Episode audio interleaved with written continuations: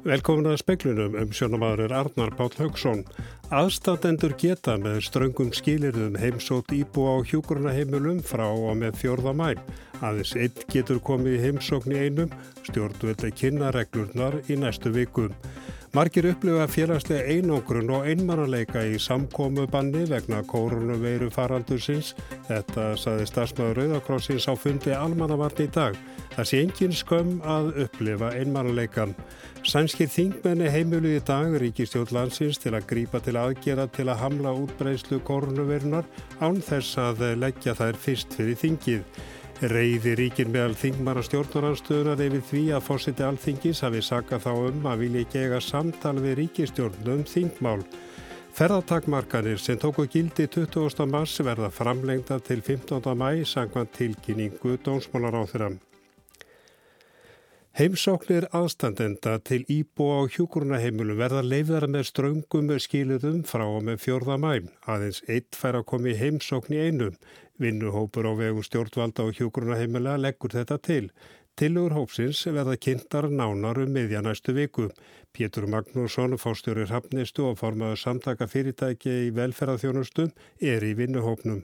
Það hefur semst verið í gangi vinnuhópur á vegum almannavarna ennbættis landlæknis, heilbyrðisráðnitis og, og hjúgrunheimila sem hefur verið að funda reglulega síðustu vikur um bara stöðun á hjúgrunheimilum og og það er þetta alltaf öru hvort til umræðu og uh, það er unni bara ánæg að segja frá því að, eða staðfesta það að vinnuhópurinn er að undirbúa til um tilslaganir á heimsklubanninu sem muni taka gildi strax fjórðamæ en fram að fjórðamæ verður óbreytt ástand. En þessar tilslaganir það verður að kynntar síðasta vetradag meðgundaginn næstu viku, 22. apríl.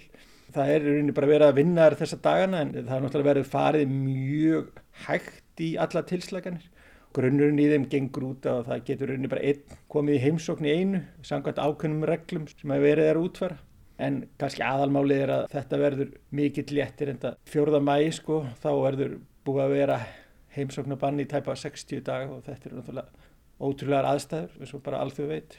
Saði Pétur Magnússon, nánaður rættið hann og Þórunni Sveinbjörnstóttur forman landssambans eldri borgaram um álefni aldraðra í COVID-19 farendrinum síðar í speklinum.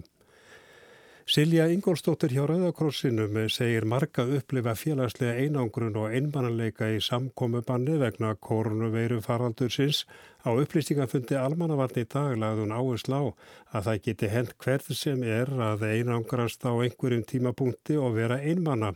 Fyrir marga sé þetta ný reynsla og þá geti verið erfitt að takast á við tilfinningarnar streitun og vanliðan sem geti fyllt. Þessar tilfinningar séu eðlilegar í jafn óeðlilegum aðstæðum og nú eru uppi. Við getum öll einangrast á einhverjum tímapunkti og við getum öll orðið einmanna.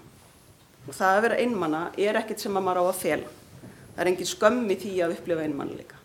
Silja bendur á að Rauðakrossin bjóð, bjóð upp á Ímis úrræði, fólk geti til dæmis ringt í 1717 og óska eftir símavinni eða fengi leifinningar um úrræði sem hendi því. Allir eigi erindi og ekkert erindi séu lítið of stort. Og núna meðan við búum við takmarkanir í félagslífinu, þá ringja símavinnir einu sinna á dagi fólk. Og það fælst á hverju öryggi því að vita að það er eitthvað sem ringir, sérstaklega fyrir fólk sem býr eitt. Þetta var Silja Ingórstóttir. Maður var fluttur alveglega slasaðar á landsbítalara rétt fyrir klukkan 5 síðdeis eftir vinnuslis en hann fjall af nýbyggingu í austurhutta borgarinnar sangvat upplýsingu frá slökkuliði höfuborgarsæðisins. Ekki var ekkert að veita upplýsingur um hvað fallið er talið hafi verið hátt eða um tildraugslisins, annað en að maður um að fluttur alvarlega slasaðar á vettfangi. Sænska þingið samþykti í dag lög sem heimila ríkistjórnum að grípa til aðgera til að hæja útbreyslu koronaveirunar sem veldur COVID-19 án þess að leggja þær fyrst fyrir þingið. Takmarkanir á ferðalögum til Svíþjór hafi verið framlengdar um einn mánuð. Meðal þeirra ráða sem ríkistjórnin er heimilt að grípa til er að loka fyrirtækjum tímabundið, takmarka fjöldasamkomur og loka flugvöllum og höfnum. Við umræður á þingi í dag saði stjórnarþingmaðurinn Kristjana Nílsson að stjórnvöld yrðu að geta greipi til skjótra aðgerða ef nöðsinn krefði. Frumvarpiði náði í gegn eftir að felt hafðu verið út en okkur efnisatriði sem stjórnarandstaðan gæti ekki sætt sig við. Nýju lögin öðlast gildi frá næsta lögardegi og gilda út í júni. Þingið getur ógilslögin áður, telji það að þau séu orðin ónöðsynleg. Þótt stjórnin fái töluverðar heimildir til að greipa til aðgerða með að þær þó ekki brjóta á réttindum landsmanna sem tryggði eru sangvamt sænsku stjórnarskráni. Til dæmis verður henni ekki heimilt að banna fólki að vera á ferli eins og stjórnvöld í mörgum öðrum Evrópuríkjum hafa gert. Slikt er þið að leggja fyrir þingið. Stefan Löfven fórsættis ráð þeirra tilkynnti í dag að bann við komi ferðafólks til Svíþjóðar hefði verið framlengt til 15. mæ. Það gildir aðalega um erlenda ríkisborgara sem higgjast koma frá löndum utan Evrópu. Áskir Tómasson saði frá. Ríki reyðiríkir með að þingmara stjórnarnarstöðun er því að fórseti alþingis hafi saka þá um að vilja ekki eiga samtal við ríkistjórnunum þingmál. Fórseti sleitt þingfundi eftir tæpa fjórar mínútur. Formin allra þingfólklokka átt í dag fund með honum. Þeirra á meðal var Hanna Katrín Freiriksson, formadur þingflós viðreisnar. Ekki hafi verið neyn eiginlega niðurstaða af þeim fundi. Við fórum svona vítt og breytti við sviðið, eh, alveg ljóst að það er mismöndu upplifun af þessu öllu saman, þannig ég held að lærdóminum sem þarna með ég draga af er að við þurfum bara að vanda okkur betur, passa að skilja ekki eftir eitthvað ósagt og óorðið og ég, ég, ég veit það ekki, satt, satt best að segja. Eh, það varði engin, við fórum bara vitt og breytti við sviðið og, og hérna það er náttúrulega gríðarlega reyði í stjórnaranstöðinni yfir orðun sem að fórsett alþingis lítið falla í, í fréttum eftir fundin um að við hefum þannig að sínt það að við vildum ekki efa samtali, það er bústalega ránt. Hanna Katrín segir að fórseti alþingis hafi sett stjórnarmál og dasgráð þingfundarins í morgun. Við aðstæður þar sem við eins og aðrir erum með hlutaþingsins í sótkví, við erum háð fjöldatakmarkunum og það er okkur ómögulegt að eiga nöðsilega pólitiskar umræður um slík mál og þar með getum við ekki sinn hlutverki okkar.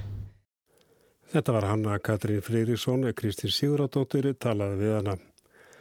Dónsmálaráþur hefur tilkynnt að ferðatakmarkanir sem tóku gildi 20. mars verið framlengdar til 15. mæ umfangu takmarkanana er óbreytt og verið því útlendingum sem hvorki eru ES en í eftaborgarar áfram áhaugmild að koma til landsins nema þeir geti sínt fram á að för þeirra sé vegna brítna erinda. Ríkisborgarar senginsvæðisins og aðstandötu þeirra geta áfram komið óhundra til landsins. Þá eru ákveðnar starfstjetir undan þeiknir takmörkunum til að mynda starfsfólk á sviði heilbriðistjónustu og þeir sem sinna farmflutningum. Íslendingar sem koma til landsins þurfa áfram að fara í tveggja vegna sóttkví við heimkomuna. Dómstólar hafa úrskurað þreminninga sem voru sakveldir fyrir framlegsla á 8 kílóum að amfetamin í borgarferði í áframhaldandi gæsluvarðald á meðan mál þeirra til meðferðar fyrir landsétti. Kórunu faraldurinn gef ekki ástöðu til að láta þá lausa. Mennirnir voru handteknir snemma í júni og hafa setið í gæsluvarhaldi síðan þá. 9. desember dæmdi hérastómi Reykjavíkur þá til fangelsisrefsingar vegna brota sinna. Einar Jökull Einarsson var dæmdir í 7 ára fangelsi en Alvar Óskarsson og Margir Pétur Jóhansson dæmdir í 6 ára fangelsi hvor.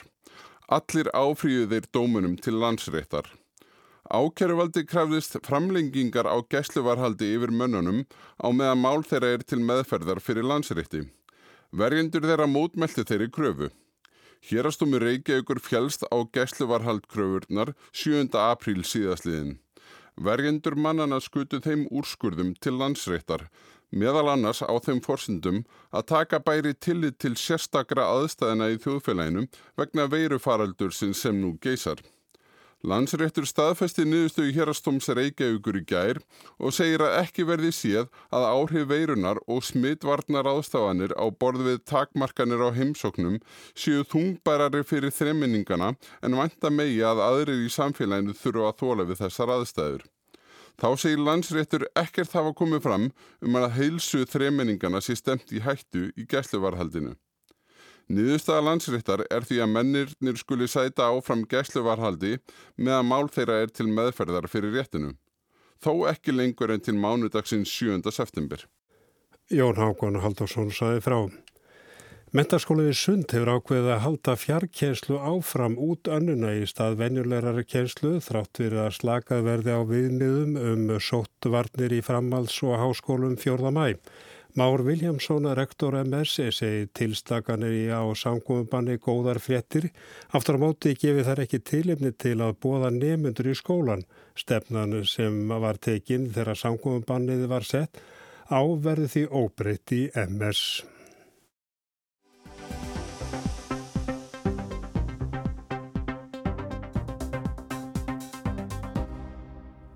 Stjórnvöld kynna í næstu viku til lögur um að aflétta að hluta heimsóknarbanni á dvalar og hjúklunarheimili. Pétur Magnússon, forstjóri hafnistu og formaður samtaka fyrirtækja í velferðarþjónustu, er í vinnuhóp sem unnið hefur að tilónum. Hann segir að ákverðuninn um heimsóknarbann þann 7. mars hafi verið erfiða. Það var mjög þungbær ákverðun fyrir stjórnundur og starfsfólk hjúklunarheimila að taka þessu ákverðun en í ljósi þeirra aðstana sem að við höfðum og þeirra upplýsingar sem við höfðum þá að þá töldu við að þetta væri algjörlega rétt ákvörðun með hagspunni íbúan okkar að leiðaljósi sem er jú mjög mikilvægur hluti að okkar starfsemi er að tryggja hag þeirra. Þó að þetta væri mjög þungbart því að við vitum alveg mjög vel hvað aðstatendur og vinnir og kunningjar íbúan okkar eru mikilvægir í þeirra lífi eins og bara allra annara en núna 40-45 um setna eru algjörlega samfarðum að þetta er rétt ákvörðun og rauninni um leiðum var tilkynnt að þá voru lang, lang flestir mjög ánæður með hann og, og fengum mikið að þökkum bæði frá íbúum aðstendum sem þökk okkur fyrir bara hugur ekki að taka þessu ákvörðun. Þetta var þetta gaggrínt af sumum en ég held að það veri lítill hópur en í rauninni hefa hafa þessa gaggrínisrættir algjörlega þagna bara eftir að við sé dæmi frá öðrum löndum þar sem ekki hafa verið gripið til eh, jafnir róttaka aðgerðu og hér og þeir sem búa á hjógrunheimilum, þetta eru já, um 2800 manns núna og, og þetta er viðkomur hópur og er, er algjörlega í þessum flokki sem við myndum telja mest áhættu hópin og, og, og það verður í bara að gera allt til að vernda hann og það er náttúrulega tekist ótrúlega vel til hér að, vernda hann á hóp hinga til og þannig að þessar rástafunir hafa tekist vel. Við hefum um eitt líti hjúgrunheimili sem er undatekningin fyrir utan kannski landsbytalan sem er, sem er sérmál og þetta þýðir það auðvitað að íbúur og ættingjar þeir hafa líka þurft að leggja mikið á sig en jáfnframt að þá krefst þess mikils af, af starfsfólki að, að passa sig í sínu engalifi og hugsa um íbúuna og fyrir það eru við mjög þakklátt og ég held að þjóðun öll sé það. Nú talaði landlæknir um það í gæra að það mætti vænta einhverja tilslagana fjórða mæ. Já, á upplýsingafundi ríkistjórnarinnar sem var, var 14. apríl þá nefndi fórsettisráður í máli sínu að það væri verið að skoða tilslaganur á heimsóknabanni á, á hjógrunaheimilinn og jáfnframt nefndi landlæknir það á daglum upplýsingafundi almannavarna í gæra að þetta væri í skoðu. Það hefur semst verið í gangi vinnuhópur og vegum almannavarna ennbættis landlæknis, heilbriðisráðnitis og, og hjógrunheimila sem hefur verið að funda reglulega síðustu vikur um bara stöðun á hjógrunheimilum og, og það er þetta alltaf öðru hvort til umræðu og uh, það er unni bara ánæg að segja frá því að, eða staðfesta það að vinnuhópurinn er að undirbúa tillegur um tilslaganir á heimskunarbanninu sem muni taka gildi strax 4. mæ en fram að 4. mæ verður óbreytt ástand en þessar tilslaganir það verður að kynntar síðasta vetradag meðgundaginn næstu viku, 22. apríl það er unni bara verið að vinna þessar dagana en það er náttúrulega verið farið mjög hægt í alla tilslaganir grunnurinn í þeim gengur út að það getur rauninni bara einn komið í heimsókn í einu samkvæmt ákveðnum reglum sem að verið er að útfæra.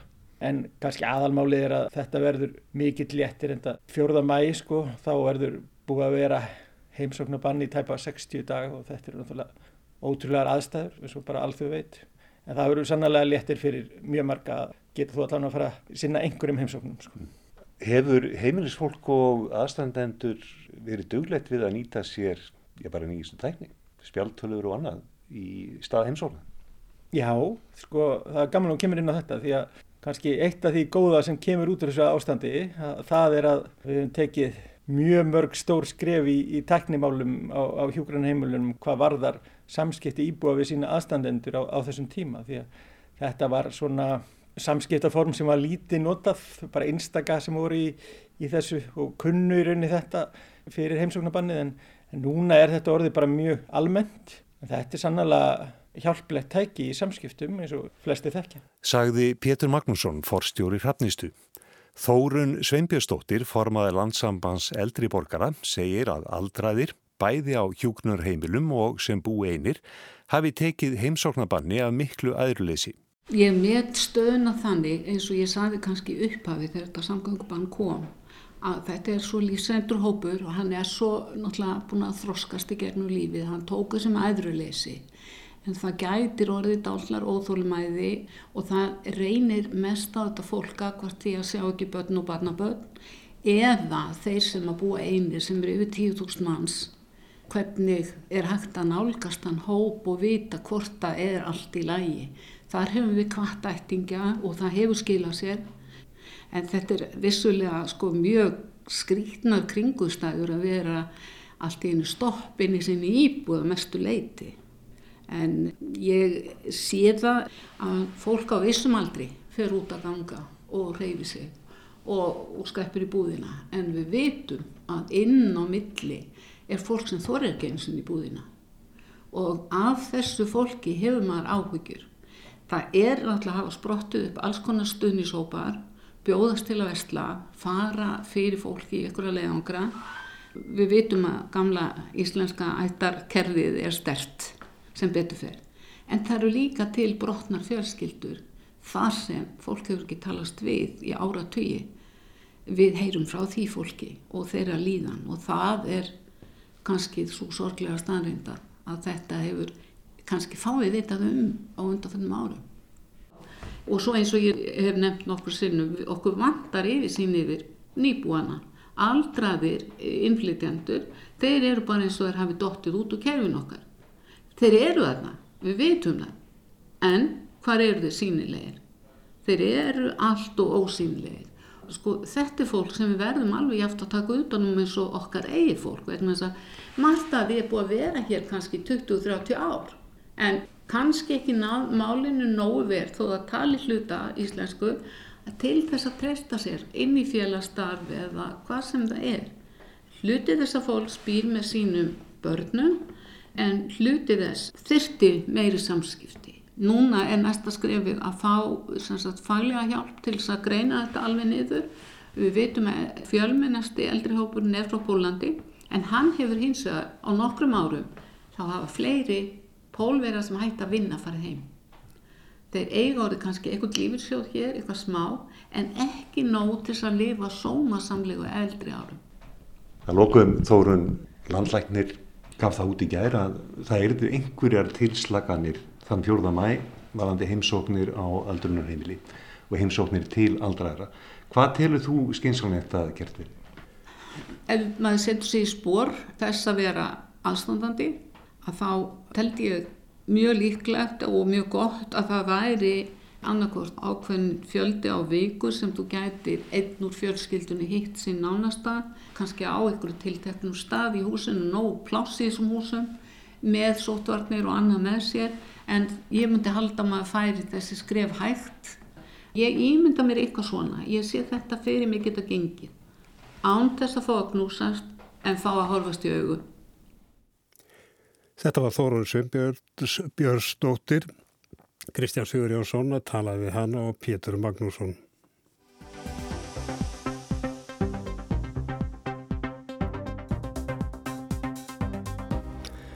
Almanaheittli reglífarsamtök þriðja geirans eða ekki hagnaðadrifina samtaka hvetur aðeldafjölu sín til að leggjast á sveif með yfirvöldum í að draga úr áhrifum veirufaraldusins. Samtökin hveti að reynda líka önnu samtök stopnarnar og fyrirtæki og almenning til að gera það líka. Jónas Guðmursson er formadur almanaheitla, kontur sæl. Sælhættu. Þið talið um að fylla þau skörð sem ekki er á færi ofinbjörn aðila að fylla. Hvað eigið við með því? E, við eigum við með því að, að e, það séu mjög margvíslegar afleðingar af þessum faraldrið sem að, að almanna heila samtök séu, séu velfær um að, að koma inn og hafa, hafa hefnum ástæðum gert. Þau eru, þetta eru samtök sem að hugsa um hópa sem eru veikir í samfélaginu til dæmis Uh, hópar sem að uh, þarf að sjá sérstaklega um og, og geta orði fyrir áföllum, sérstakum áföllum í kringum þessa þennan faraldur. Og við erum bara að hvetja öll almanna heila samtök uh, til þess að beita öllum þeim ráður sem að þau hafa tiltak til þess að draga úr þessum langtíma afleðingum faraldusins. En nú var það þannig að þetta eru fjölmörg samtök sem að heyra undir almanna heill að e, yfir 30 og þau eru mörg ólík. E, já, er, er, er, er það beina aðteglina þeirra félagsmönnum eða framlægi þessara samtaka til samfélagsins? Þetta eru samtök, þetta eru mjög ólík samtök sem að hérna hafa uh, mótað sér eitthvað samfélagslegt hlutverk og hafa oft uh, starfað nái með ópenbjörnum aðilum. Uh, og uh, það, það, það er, þau vilja gera það áfram. Uh, mörg samtök hafa þegar látið í sér heyra í samband við þetta. Því voruð að tala við fórunni forman landsambands eldri borgara sem er hluti á okkar samtökum og neytendarsamtök, hjálparstarf, kirkjunar og fleiri og fleiri eru þegar að leggja mikið að mörgum. En það eru mörg sem að hafa kannski ekki komist á fullskrið ennþá, hafa orðið sjálf fyrir áfullum í þessum faraldri en er vissulega ástæði til að komi til starfa á fullu núna með stuðningi almenningsauðvitað. En eh, eru þau kannski líka vekja aðdegla því að eh, þetta eru svo kvöldu ekki hagnaðadrifin samtök sem að byggja kannski sína tilfur á stuðnisaðilum og nú eru miklu eh, þrengingatímar og slemt ástand svona efnaðarslega óttist um fjárhagstöðu þessara samtaka? Já, já, auðvitað hafa íminn samtök hérna, orði fyrir fjárhagslegum áhrifum að þessu. En það er mjög margt annað sem að, en fjármunni sem að fólk getur gert til þess að styðja við samtöku þess tægi. E, það er til dæmis vinnuframlag, sjálfbóðulega störf, aðstafa, sérfæði þekking og svo framvegis. E, við hugsun til þess að, að það er greinlegt tölvert atvinnleysi, allavega tímapunkti atvinnleysi orði í landinu. Kanski getur við fengið aðstóð einhverja af þeim í sjálfbúða verkefni og gert hann í báðum aðilum, báðum þeim sem að byggja á starfið samtakana og þeir sem að hafa vinnu eh, á lausu til þess að koma hlutunum í betri horfheldur en áður. Við sjáum hvernig þessu framvindur Jónas Gummarsson að þakka þér kærlega fyrir.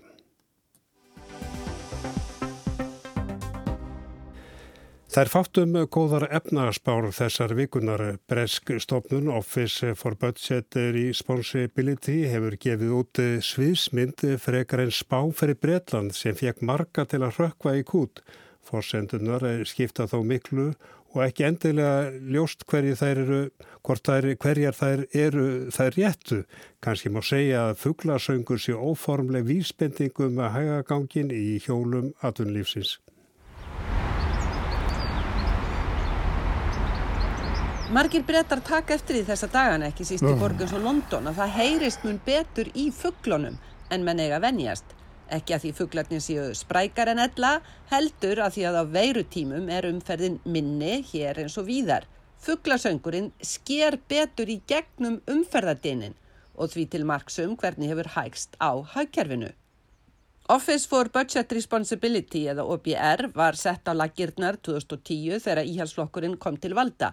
Stopnininn á meðal annars að greina hagkerfið og meta áhrif efnaðas aðgerða hins ofinbera. Í vikunni byrti stopnunin sviðsmynd um efnahagsframvinduna í Breitlandi í skugga veirufaraldursins. Það rökkumarkir við að niðurstaðan skildi vera 35% samdráttur á öðrum ársfjörðungi. Í slíku samhengi væru efnahagsremmingarnar 2008 og jafnvel kreppar mikla á fjörðáratugnum, léttvæg frávik. Hagsögufræðingar fundi ekkit sambarlegt síðan 1709 að fimpulvetur lagðist yfir Bretland og Evrópu. Robert Joad, yfirmaður og bér, sagði þegar hann kynnti sviðsmyndina að í viðbót við áhrifin á líðheilsu og velferð fjölskyldna væri líklegt að koronaveiran hefði alvarleg skamtíma áhrif á ríkisfjármólinn, engum vegna þess hvernig nöðsynlegar en þvingandi heilbreyðisaðgerðir trubla efnagslífið. In addition to its consequences for public health and families' well-being, the spread of the coronavirus is likely to have severe short-term consequences for the UK's public finances thanks primarily to the economic disruption arising from the necessary public health restrictions currently being imposed upon us. Sviðsmynd OBR hefur farið eins og eldur í sínu um breska fjölmiðla og þá stundum gleimst að þetta er sviðsmynd en ekki spá. Forsendan fyrir þessari mynd er að samskiptahömlur sem nú hafa varað í tæpan mánuð muni vara í þrjá mánuði og síðan verða létt, hægt og bítandi á öðrum þremur mánuðum. Anna mál hvort þetta verður raunin og þá eins hvort áhrifin verði þau sem þarna eru dreinu upp. Likil atriðið í orðum Jones var að já, áhrifin væru skamtíma áfall svo snarlegur bati strax í haust þegar hjólinn færi aftur að snúast. Tilgangur og bér með þessari æfingu er að draga upp mynda því hvernig áhrifin af veirufaraldrinum gætu komið fram á hagkerfið og þá á ríkisfjármálinn. Myndin þá viðmiðun til að máta hinnar ímsu aðgerðir inn í. Rísi Súnak fjármálaráð þeirra var eitt þeirra sem var spurður álits. Hann nýtti á að þetta væri aðeins ein sviðsmynd af mörgum. Look, it's clear this will have a very significant impact on our economy, uh, and like common with economies around the world. Uh, and it's important that we're honest about that. People should know that there's hardship ahead. We won't be able to protect every job or every business, as I've said. Vissulega væri þó ljóst að líkt og um allan heim hefði veirufaraldurinn veruleg áhrif á breska hagkerfið. Hér þyrti hreinskilni. Fólk þyrti að vita að það væru erfileikar framundan og, eins og hann hefði áður sagt, Það yrði ekki hægt að bjarga sér hverju starfi og sér hverju fyrirtæki, sæði fjármarrað þeirra. Aftur á þessu hugtæki skamtíma, það er likil viðmiðun þegar ríkistjórnur um allan heim leggjanum hausin í bleiti um hvernig eigi að leysa hagkerfi úr viðjum samskiptatálma sem eiga og áttu að kála farsóttinni. Strax í upphafi lofaði breskastjórnin að beita öllum tiltækum ráðum til að hindra að viðskiptalífið og síðan þá efnarskerfið allt festist í farsóttarhemingunum. Í mars, þegar Súnag fjármálaráð þeirra kynnti efnarsaðgerðir stjórnarinnar bæði fyrir fólk og fyrirtæki, var bóðskapurinn sá að allt og allt yrði gert til að tryggja að hjól efnagslífsins gætu farið í gang strax og samskiptahömlum yrði létt, sama hvaða kostaði. Nú er ráð þeirran aðeins Hófstiltar í orðum, störfmunu glatast, ekki öll fyrirtæki lifa þetta af. Eitt gaggríni efnið nú er að aðstóðin nýtist ekki það sé svo erfitt að uppfylla skilirinn fyrir fyrirgreðslum sem bjóðast. Súnag segir unnið af því hörðum höndum að sníða af vankantana svo aðstóð rati á rétta staði, kemur ljós. Alþjóða gjaldarisjóðurinn byrti alþjóðlega hagspá í vikunni annaðins ekki sérst síðan í kreppunni miklu á fjörðaratugnum Sjóðurinn spáir 6,5% samdrætt í Breitlandi í ár, 4% hagvexti næsta ár. Sama víðast á Vesturlöndum, mikil samdrættur í ár sem vöxtur á næsta ári vegur ekki upp. Aftur þetta, hvernig til tekst mun meðal annars ráðast að því hversu lengi samskiptahamlur verða í gildi og hvort tekst að hindra að efnahagsleg uppdráttasíki verði fylgifiskur farsóttarinnar. Og þar verður fugglasöngurinn óformlegt viðmið. Og það var Sigrún Davistóttir sem saði frá en við sögðum meðal annars frá því í speklunum við kvöld að aðstandendur geta með ströngum skilirðum heimsótt íbú á hjúkurnaheimilum frá og með fjórða mæ neskomandi. Aðeins einn getur komið í heimsókn í einum, stjórnvöld alla kynnareglunar í næstu vikum. Margir upplefa félagslega einangrun og einmannaleika í samkomiðbandi vegna koronaveiru faraldur sinns. Þetta saði stafsmaður Rauðakrósins á fundi almannavarn í dag. Þessi engin skömm að upplefa einmannaleika. Og sænskir þingmenni heimil í dag Ríkisjótt landsins til að grípa til að aðgera til að hamla, hamla útbreyslu koronaveirunar á þess að það leggja þær fyrst fyrir þingið og reyði ríkir meðal þingmanna stjórnarnarstöðunar yfir því að fórsiti alþingis hafi sakað þá um að vilja ekki eiga samtal við ríkistjórnuna um þingmál. En það er ekki mikið fleira í speiklum við kvöldi. Tæknmar var Ragnar Gunnarsson verið í sæl.